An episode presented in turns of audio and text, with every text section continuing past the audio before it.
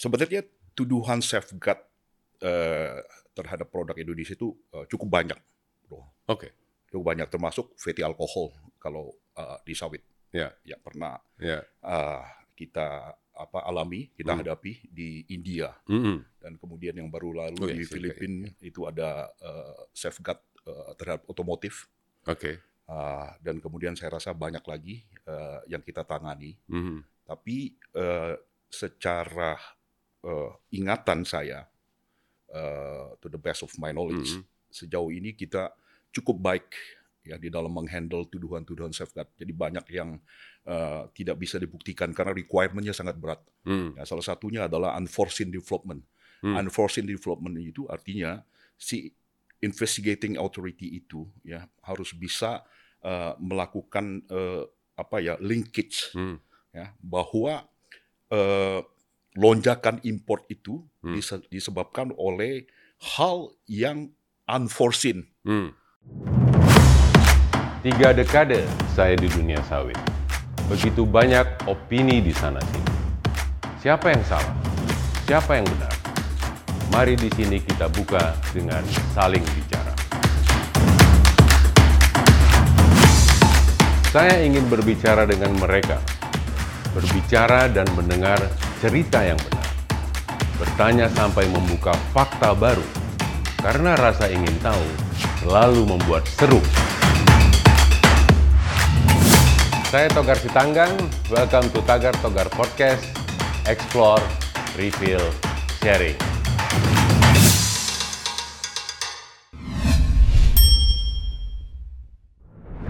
Jumpa lagi dalam Tagar Togar Podcast, saya Togar Sitanggang, dan pada episode kali ini ya, kita kedatangan uh, teman saya yang saya kenal sejak 2012, uh, kenalannya agak uh, unik karena kenalannya itu uh, kita dalam industri sawit mengalami tuduhan anti subsidi atau anti dumping itu bro, uh, fatty alkohol ya, ya fatty alkohol dua-duanya ya.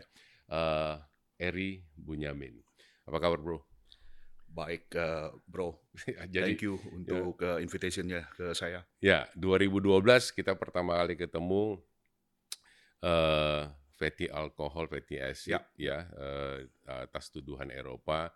Pada waktu itu saya baru pertama kali bergabung ya di perusahaan yang saya sekarang ini dan uh, sama sekali saya buta masalah hukum-hukum uh, ini gitu ya. Yang namanya fatty acid, apa, yang namanya anti subsidi itu apa, ya. anti dumping itu apa juga saya nggak nggak ngerti. Tapi uh, ya dengan penjelasan-penjelasan kemudian saya oh maksudnya anti subsidi ini apa maksudnya anti dumping itu apa mungkin bro bisa bisa elaborate lah apa sih sebenarnya anti subsidi dan apa itu anti anti dumping ya terima kasih uh, bro sedikit koreksi uh, tahun 2012 itu kita berhadapan dengan EU untuk case anti dumping anti dumping ya nah okay. kemudian uh, beberapa tahun beberapa tahun setelahnya baru EU menginitiate uh, anti dumping nah, uh, dan uh, subsidi untuk biodiesel. Biodiesel. Ya. Oke. Okay. Ya. Nah, apa beda anti dumping anti subsidi ini? Mungkin uh, apa uh, audiens ini kan oh ya anti subsidi, oh anti dumping. Uh, mungkin nggak tahu sebenarnya. Sebenarnya general apa. general general uh, backgroundnya, bro, bahwa kan uh, di dalam kerangka uh, apa komitmen mm-hmm. penurunan tarif di era uh, liberalisasi dalam WTO mm-hmm. itu kan yang namanya barriers itu semakin berkurang dan akan di eliminate mm-hmm. terutama dalam kerangka uh, penerapan tarif biaya masuk mm-hmm. termasuk di dalamnya sebenarnya komitmen terhadap uh, non tarif barrier juga. Okay. Nah uh, di dalam liberalisasi liberalisasi itu sendiri ada yang uh, apa ada yang loss mm-hmm dan ada yang benefit. Mm-hmm.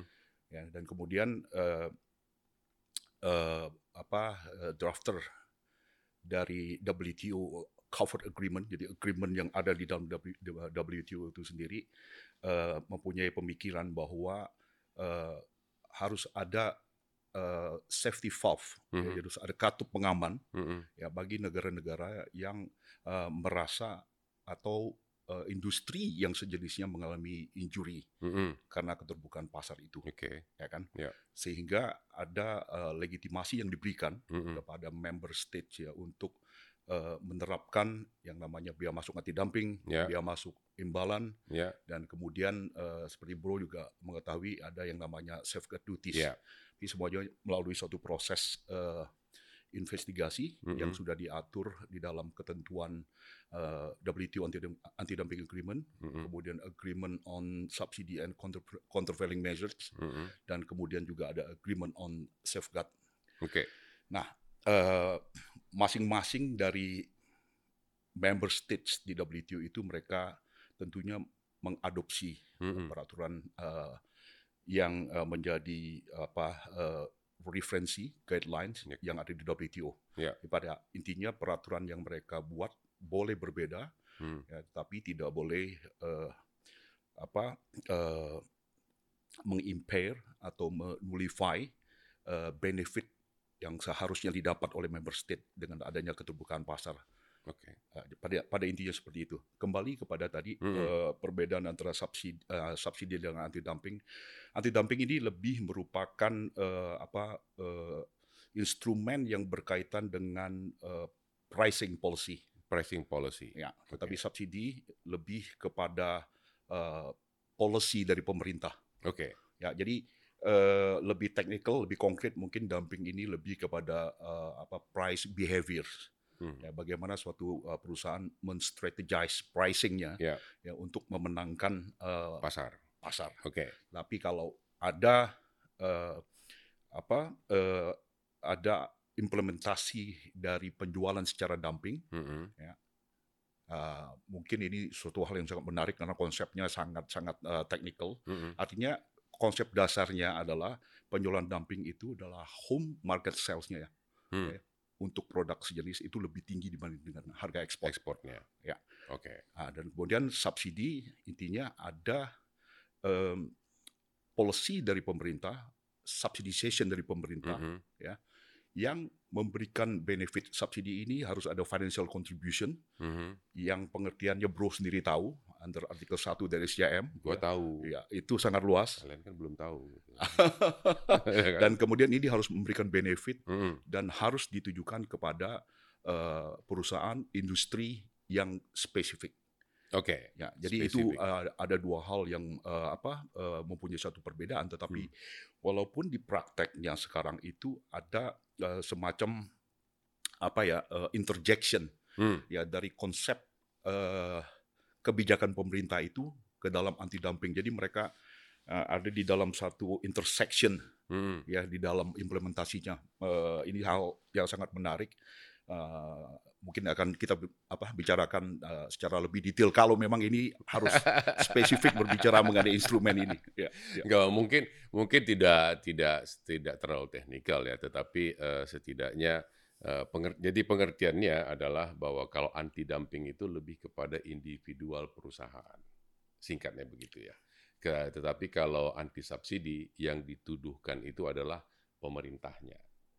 Pemerintah dan juga Ya. individual perusahaan. Individual pe- pemerintah terhadap individual perusahaan atau Ya. bukan? Ya, kurang lebih pemerintah dan eh, perusahaan-perusahaan yang Jadi menerima. pada intinya kalau tuduhan uh, subsidi uh, pemerintah yang menuduh Hmm, misalnya katakanlah Uni Eropa atau India yang menuduh uh, biodiesel Indonesia yang diekspor ke Uni Eropa itu mengandung Mendap- subsidi ya, countervailable. Nah. Uh, Kuesioner yang akan uh, dikirim itu adalah ke pemerintah dan mhm. juga kepada, Kepada individual yang individual. bersangkutan. Ya. Nah, walaupun karena tadi sudah ada interjection antara kedua konsep uh, instrumen yang berbeda ini, nah, sekarang pemerintah Indonesia pun menerima kuesioner Mhm. untuk tuduhan dumping walaupun itu tidak sedetail untuk dibandingkan dengan tuduhan subsidi. Oke. Ya. Ya. Nah, eh, satu lagi tadi di eh, Bro Eri sebutkan eh, safeguard. Safeguard itu kurang lebih apa konsepnya? Eh, berbeda dengan em, ini menarik nih. se- jadi merefresh eh, apa saya punya pengetahuan. saya kebetulan juga eh, sudah hampir 7-8 tahun mungkin eh, apa membantu eh, teman-teman di pasca UI Hukum. Oke. dan ini adalah bidang yang uh, kami uh, berdiskusi Uh -uh. ya di uh, setiap tahun ya di bulan September selama empat bulan. Oke.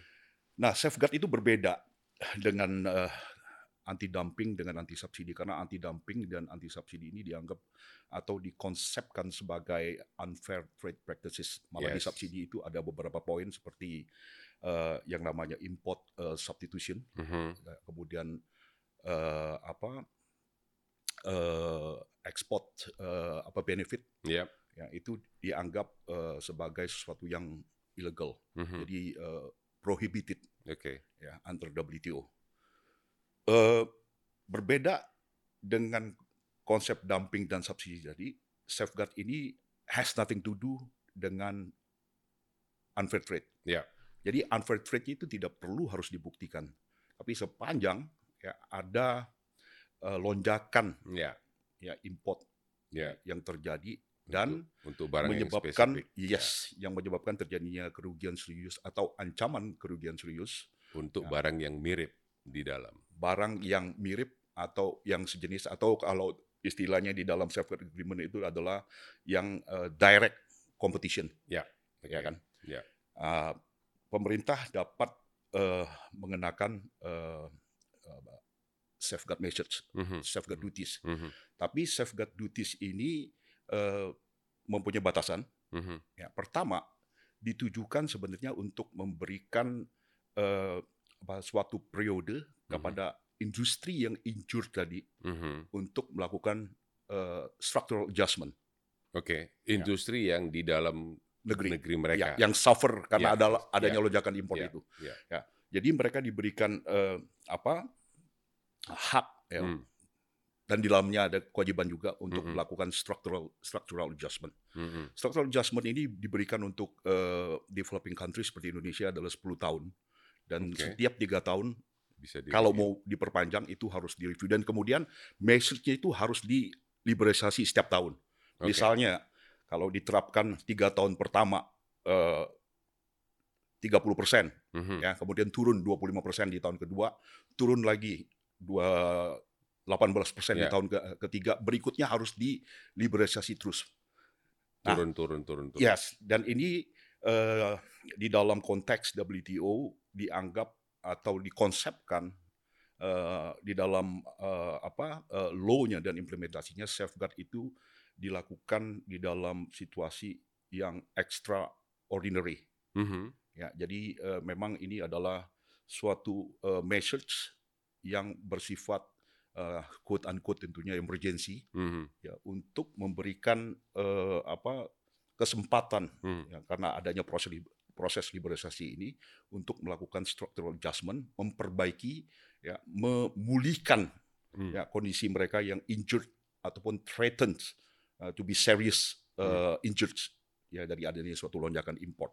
Kalau kalau di dalam negerinya yang eh, negara importer tidak berhasil memperbaiki, itu gimana? Eh, ya tentunya itu sangat menarik. Kalau belum berhasil kan mereka bisa memperpanjang itu Jadinya sampai 10 tahun. terus Sampai 10 tahun. Ya. Tetapi kalau 10 tahun eh, ini tidak ada eh, perbaikan, ini Heeh. akan per- even menjadi pertanyaan ketika kita mau memperpanjang ke apa the first uh, uh, the second three years. Mhm. Kenapa? Karena sistem syaratnya eh, bahwa harus dibuktikan ada perbaikan. Iya. Ya, kalau Iya. dalam tiga tahun itu tidak ada perbaikan, then Iya. there will be a question ketika kita mau perpanjang. Mhm. Ya, jadi dari exporting countries akan memperdebatkan Hmm. bahwa sebenarnya something wrong. Ini bukan karena bukan import. ka- bukan karena kami nih kan ini gitu bukan ya. karena import. Ah, ini something else. Iya, Mestinya apa? Mestinya mesin-mesinnya sudah obsolete. iya, Kedua, eh, misalnya ini ya, Ah. labor strike, iya, ya, Ya. almost every day misalnya. Ya, ya. Sehingga sebenarnya Kasarnya, kerugian serius itu bukan disebabkan oleh iya. import, Bukan tapi bukan salah gua, salah lo kan gitu ya. kita di dalam di dalam term yang kita gunakan adalah sebagai uh, self inflicted injury kita katakan. Oke. Ya. Self inflicted injury. Correct. Banyak istilah-istilah hukum di sini ya, jadi sabar. Nah, dalam kasus yang eh, ya kita ke, eh, ke agak safeguard dulu dah ya. Yang yang gua pernah ingat itu dua kali kita kena safeguard. ya yang yang gue ingat satu Vietnam uh, lupa tahun berapa yang terakhir adalah Filipina Mhm. ya uh, dan memang sesudah ses, uh, Filipina itu RBD Olin kita ke Filipina dan sesudah gue lihat datanya oh ya memang ya kan? Karena itu grafiknya itu begini tuh ya dari tahun ke tahun. Bukan begini dia begini. Sudutnya itu betul-betul tajam gitu ya. Nah uh, terus waktu itu waktu itu muncul saya berbicara saya kurang uh, nggak ingat nama siapa dari orang Kemendak. Uh, saya katakan begini ini mestinya tugas dari atasi perdagangan ataupun uh, ITPC ataupun dari KBRI uh, Manila ya dalam hal Filipina untuk bisa memonitor ini dan memberikan early warning bagi Indonesia sendiri. Eh, guys, kalian ini ekspor ke sini ya, itu makin makin tahun makin makin tinggi nih. Hati-hati misalnya gitu ya.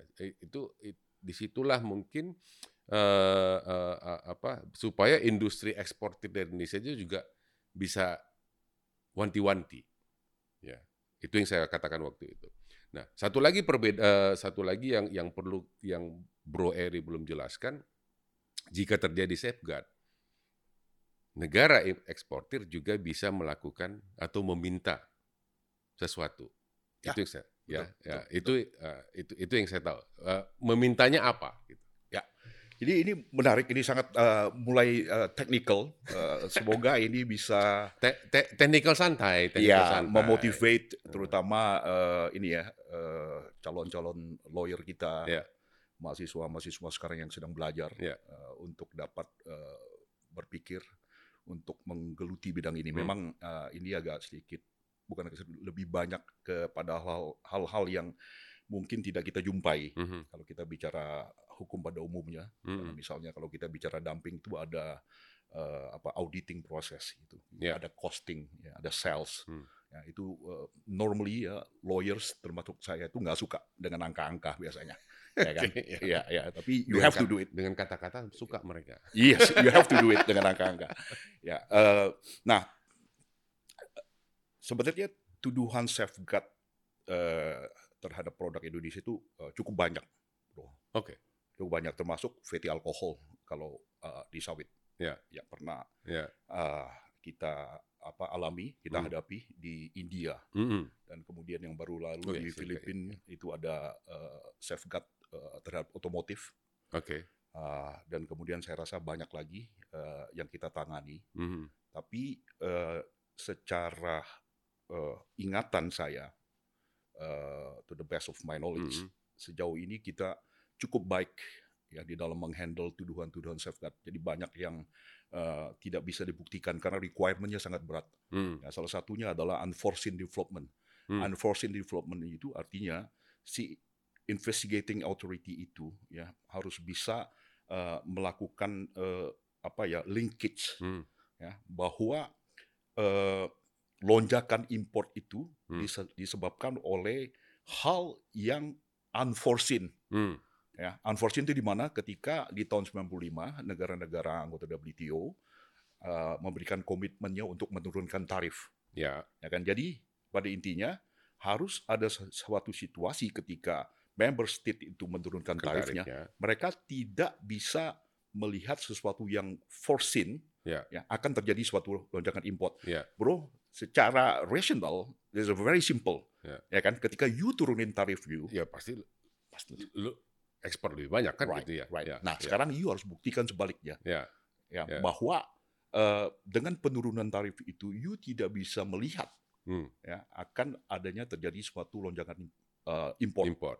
ya Hmm. ini sulit eh, dibuktikan US pernah membuktikan ya, Mhm. bahwa itu eh, kalau boleh saya ingat unforeseen development itu salah satunya eh, karena di situ ada eh, masalah behaviors Mhm. ya Mhm. yang yang yang berubah Mhm. ya jadi ini sesuatu yang lu tidak bisa predik Hmm. tapi kalau misalnya you bilang eh, bahwa ini karena adanya eh, apa increase dari capacity Hmm. ya eh, kemajuan dari teknologi that's something yang foreseen Ya. ya Ya. yang yang Yang foreseeable bisa, ya. dan WTO membedakan pengertian antara foreseen dan Dengan- foreseeable Ya. ya That's very interesting, Oke. bro. oke. Nah, kembali eh, tadi kepada hal eh, yang disebut sebagai eh, compensation. Hmm. Karena ini fair trade, ya, WTO menyatakan boleh. Hmm. ya. You lakukan, you impose, tetapi ketika you mau extend ini setelah tiga tahun, Hmm. negara yang affected mereka bisa meminta kompensasi, Iya, ya kan? Ya kan? kompensasi. Dia Iya. bisa minta kompensasi. Jadi satu eh, apa tahun pertama, tahun kedua, tahun ketiga, you may be safe, Iya. ya kan? Karena belum ada hak yang diberikan. Hmm. Ya, tentunya ini harus dijabarkan lebih Iyalah, lanjut. Tapi iya. pada prinsipnya belum ada hak yang diberikan ya bagi negara yang affected, ya negara ekspor yang Mm-mm. eh, yang expect eh, yang affected untuk meminta kompensasi. Mm-mm. Tetapi setelahnya baru kita mereka bisa. bisa, Ya. meminta kompensasi. Kompensasi itu berupa apa? Eh, Kompensasi itu berupa ya tergantung pertama harus dilihat sejauh mana ya Hmm. kerugian yang dialami ya dengan Oleh. adanya pengenaan safeguard measures selama tiga tahun Mm-mm. eh, yang dilakukan oleh importing countries. Mm-mm.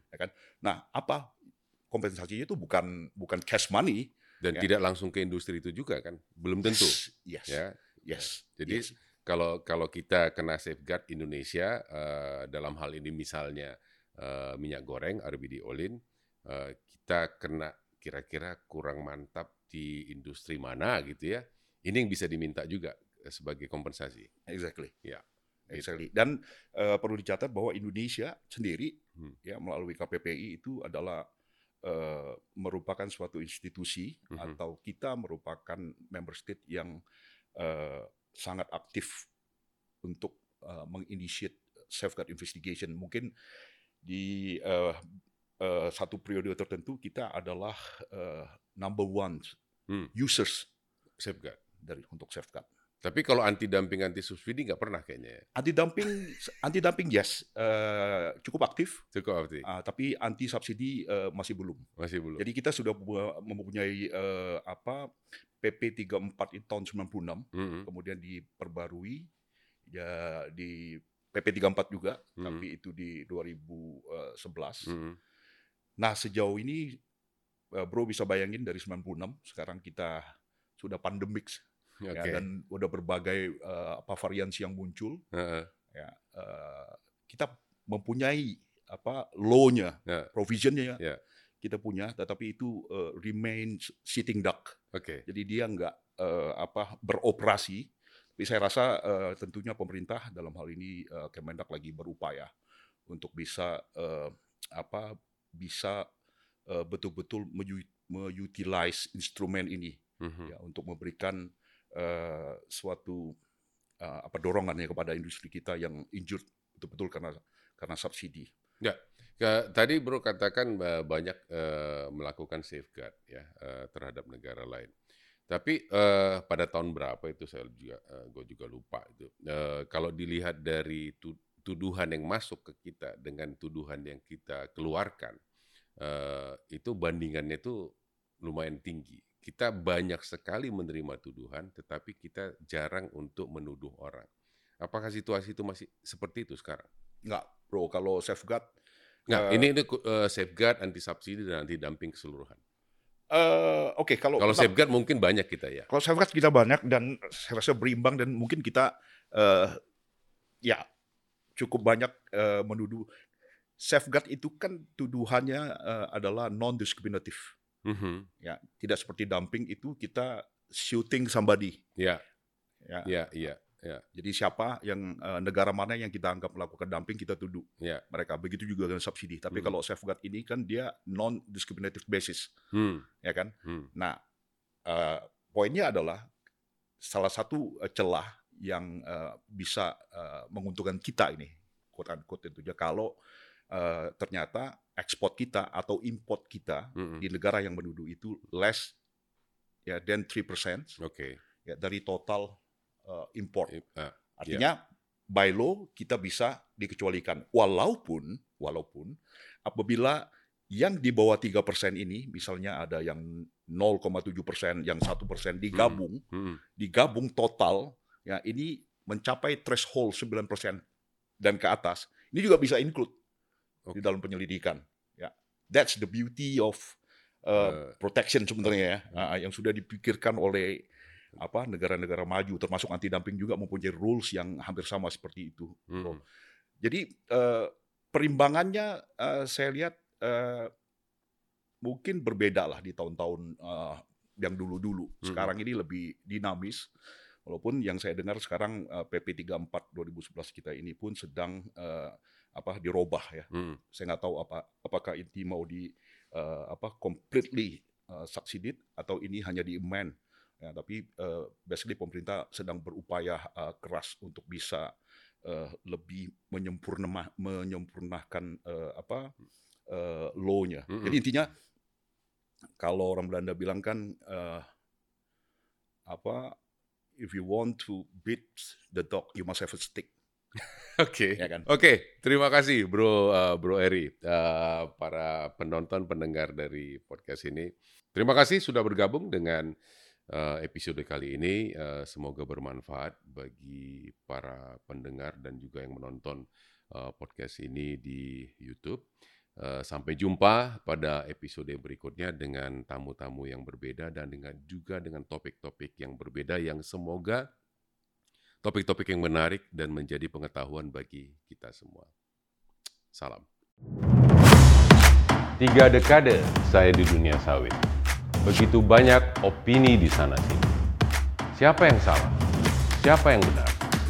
Mari di sini kita buka dengan saling bicara.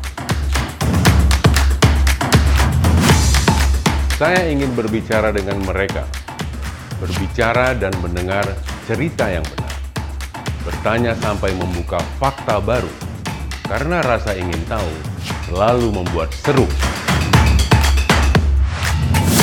Saya Togar Sitanggang, welcome to Tagar Togar Podcast, Explore, Refill, Sharing.